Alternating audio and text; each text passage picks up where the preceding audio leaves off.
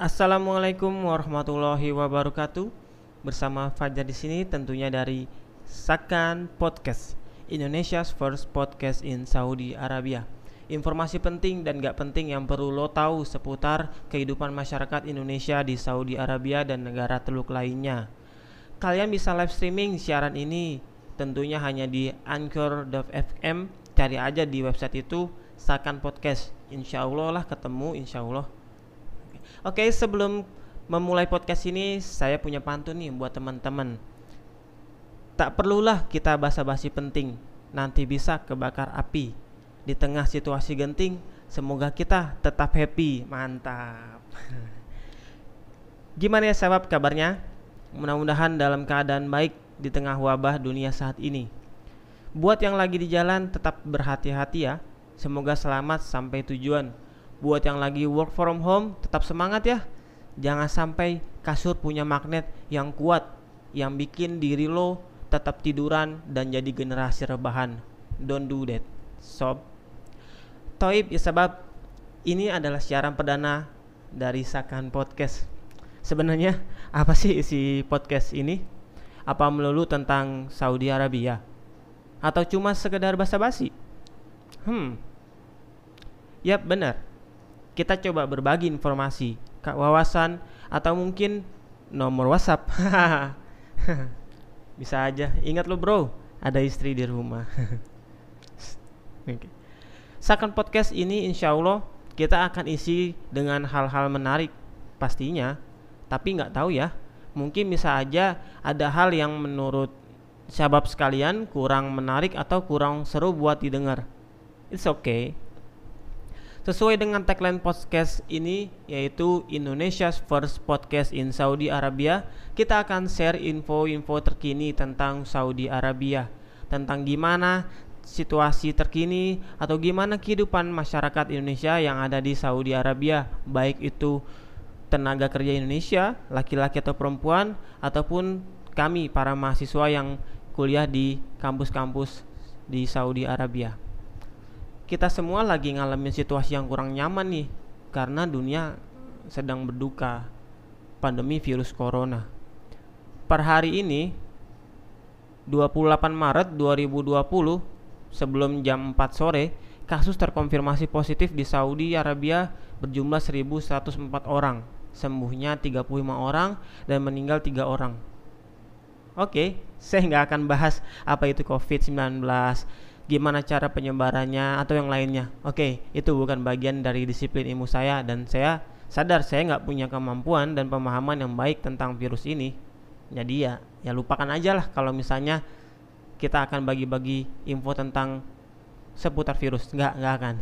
Hal yang mau saya ceritain di sini adalah gimana sih pemerintah Arab Saudi ini memerangi COVID-19 ini. Strateginya itu apa aja dan apa aja yang dilakuin oleh pemerintah biar warganya itu patuh terhadap pemerintahnya. Pertama saya datang ke sini saya kagum banget nih teman-teman. Bukan tentang ibadah ke Allah Subhanahu wa taala ya, itu udah pasti ya. Tapi ini tentang integrasi sistem kependudukan di sini. Mantap dah di sini tuh ada sistem yang namanya upshare. Upshare itu semacam one gate system gitu atau istilah Indonesia-nya itu satu pintu. Nah, upshare ini tuh ditunjukkan untuk setiap warga negara Saudi dan warga negara asing. Di sistem ini tuh terintegrasi dengan sistem lainnya. Kurang lebih sekitar 160 layanan ada di Upshare seperti keimigrasian, pelanggaran lalu lintas. Bisa jadi daftar haji dan kerja juga di situ, update paspor dan lainnya. Banyak deh. Contohnya nih, saya nyewa mobil di rental mobil. Ya iyalah bro, masa di Warmindo? Nah, nggak ada di sini Warmindo, tapi Indomie ada loh di sini dan harganya sama aja loh. Oke, oke kita kembali ke topik. Nah, kita kita akan terdeteksi nih kalau kita lagi nyewa dan mobil itu dibawa ke mana aja. Mantep kan? Nah, Indonesia ini harus mengadopsi sistem ini. Bayangin aja kalau Indonesia punya sistem yang terintegrasi kesehatan, kejahatan atau kepolisian dan keimigrasian aja dulu deh. Kan keren banget ya. benar-benar mudahin pemerintah dalam melayani warga negaranya dan warga negara asing bisa kita lacak tujuan dan aktivitas di Nusantara ini kan sekarang banyak tuh warga negara asing yang main masuk ke Indonesia padahal tujuannya dia itu kerja tapi pakai visa turis ya salam itu tuh entah itu uh, ada semacam apa ya jabat tangan di bawah meja atau ada hal lain yang kita nggak tahu tujuan di balik itu semua. Tadi kita lagi ngomongin strategi pemerintah Saudi ya dalam menanganin COVID-19 ini. Sebelum kasus terkonfirmasi positif, kita tuh udah dikabarin terus tentang virus corona ini via SMS. Saya cek di HP saya sih, SMS tuh mulai dikirim oleh MOH Ministry of Health tanggal 13 Februari. Ya notabene-nya kasus pertama Saudi itu 2 Maret loh sob.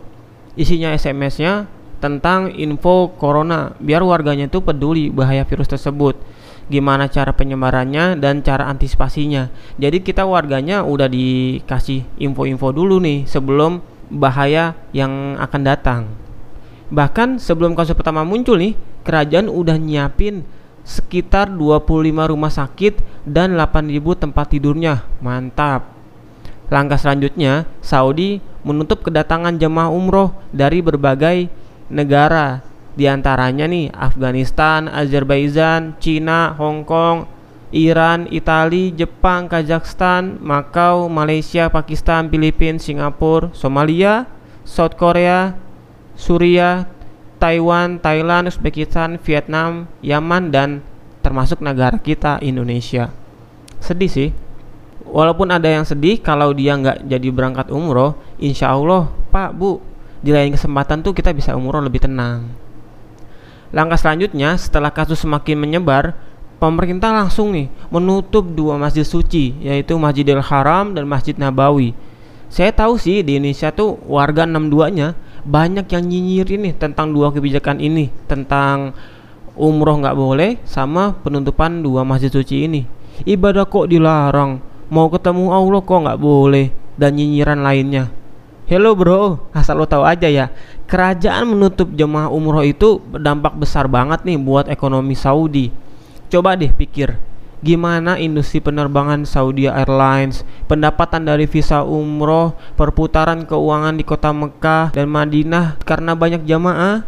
Pokoknya kerugian didapatkan itu nggak sedikit bro. Pemerintah tuh udah pikir matang-matang. Ini tuh demi kebaikan bersama, demi agenda yang lebih besar yaitu ibadah Ramadan dan ibadah haji nanti.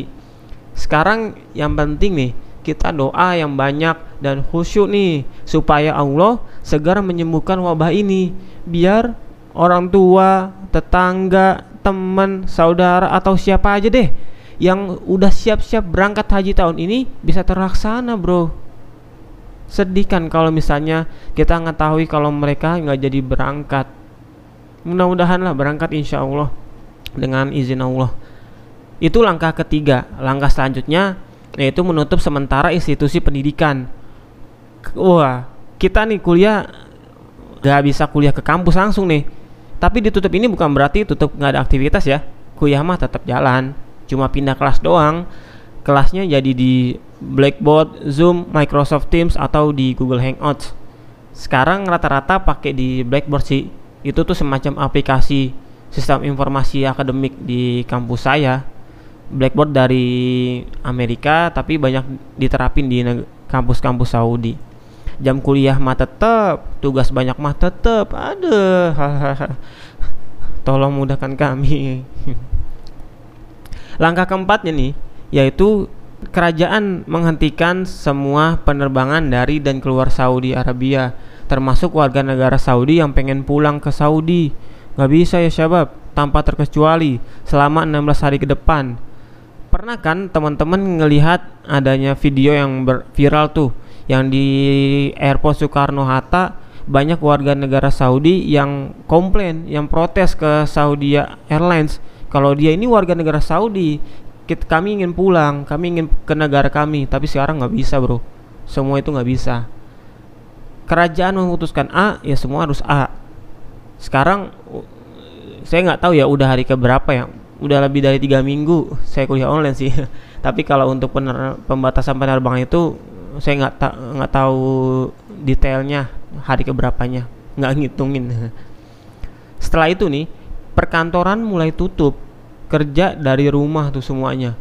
Yang buka hanya tempat-tempat yang menyangkut hajat hidup orang banyak kayak supermarket, rumah sakit dan beberapa bank. Kebijakan keenam yaitu adanya jam malam mulai dari jam 6 sore sampai jam 6 pagi di seluruh kota Saudi Arabia. Jadi jam malam itu warga warga Saudi atau siapa pun yang tinggal di Saudi nggak boleh keluar pada jam tersebut. Kalau misalnya keluar akan ada denda nih bro seminggu kemudian nih setelah penetapan jam malam khusus kota Madinah, Mekah dan lihat yang tadinya jam 6 sore dirubah nih dimajuin jadi jam 3 sore sampai jam 6 pagi. Awalnya sih ada beberapa orang yang masih ngelanggar. Mungkin doi kurang gaul sih ya kan jadi nggak tahu. Tapi sekarang 100% nih warga nurut, Pak. Ya iyalah kalau nggak nurut dendanya 10 ribu rial, Pak. Buat sekali ketangkep tuh kalau ketangkep kedua kalinya, denda 20 ribu rial. Mantap. Terus kalau ketiganya, wah selamat datang di penjara deh. Bukan cuma itu, bagi orang yang ngerekam atau motoin situasi jam malam, kena juga pak. Mantap dah, ajib. Bikin orang tuh kapok kalau membuat ngelanggar atau bikin orang tuh mikir-mikir dulu nih. Wah, ini gue mau ngelanggar tapi nanti hukumnya denda.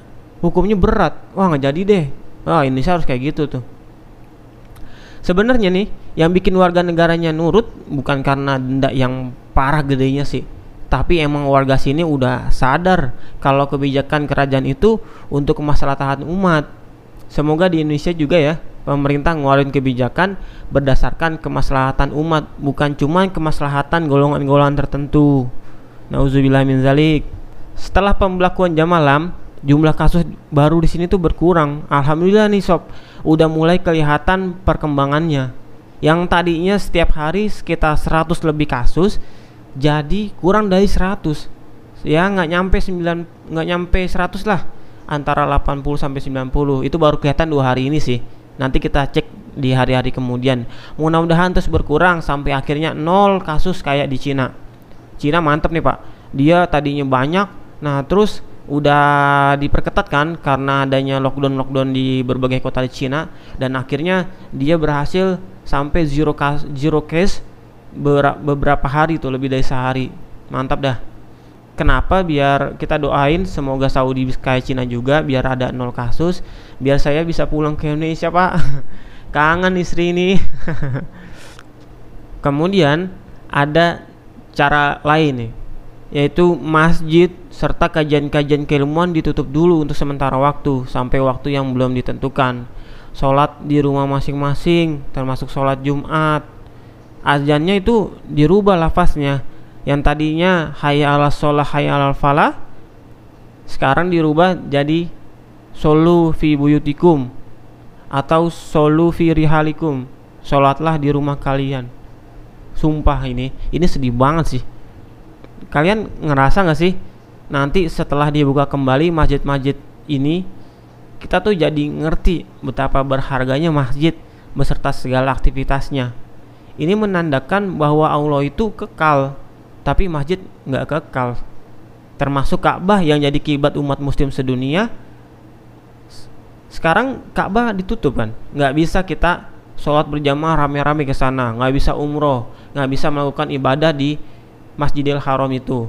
Bahwa Ka'bah itu tempat pemersatu umat doang. Kita kita bukan menyembah sesuatu yang tidak kekal seperti Ka'bah, tapi kita menyembah sesuatu yang maha kekal, yaitu Allah Subhanahu wa taala. Mari teman-teman, kita semua percayai kalau Allah itu sedang mengajak hambanya untuk berserah diri ke Allah. Rasakan kita jadi lebih dekat dengan Allah kita pas sholat sering doa ya Allah semoga saya dan keluarga saya dihindari dari penyakit yang mengerikan lebih sering jikir pagi dan petang lebih sering ibadah-ibadah sunnah lainnya eh tunggu dulu bro itu cuman berlaku untuk hambanya yang sadar Kalau yang belum sadar, semoga disadarkan. Oke, okay, sampai di sini dulu podcast kali ini. Semoga apa yang saya obrolin ada manfaatnya nih. Biar kita semua tetap ikhlas dan ridho menghadapi kondisi sekarang. Buat teman-teman yang punya saran atau kritik tentang podcast kali ini, silakan DM langsung ke Instagram saya pribadi sih. @fajar.ah. Semoga podcast-podcast ke depannya bisa lebih baik lagi dan bisa lebih menjangkau informasi-informasi atau gimana ya? atau menjembatani gitu, menjabatani antara Saudi Arabia dengan Indonesia. Karena kita tahu bersama teman-teman, saya kemarin nemu beberapa pemberitaan yang kurang tepat buat Saudi di Indonesia oleh media-media massa di Indonesia. Nah, itu dia tuh yang harus kita tackle gitu, harus kita apa ya, harus kita benahin biar pemberitaannya akurat. Dengan harapannya seperti itu ya. Semoga bisa menjadi jembatan informasi antara Indonesia dengan Arab Saudi atau sebagai media komunikasi buat semuanya yang ada di Saudi Arabia. Bye bye. Terima kasih. Assalamualaikum warahmatullahi wabarakatuh.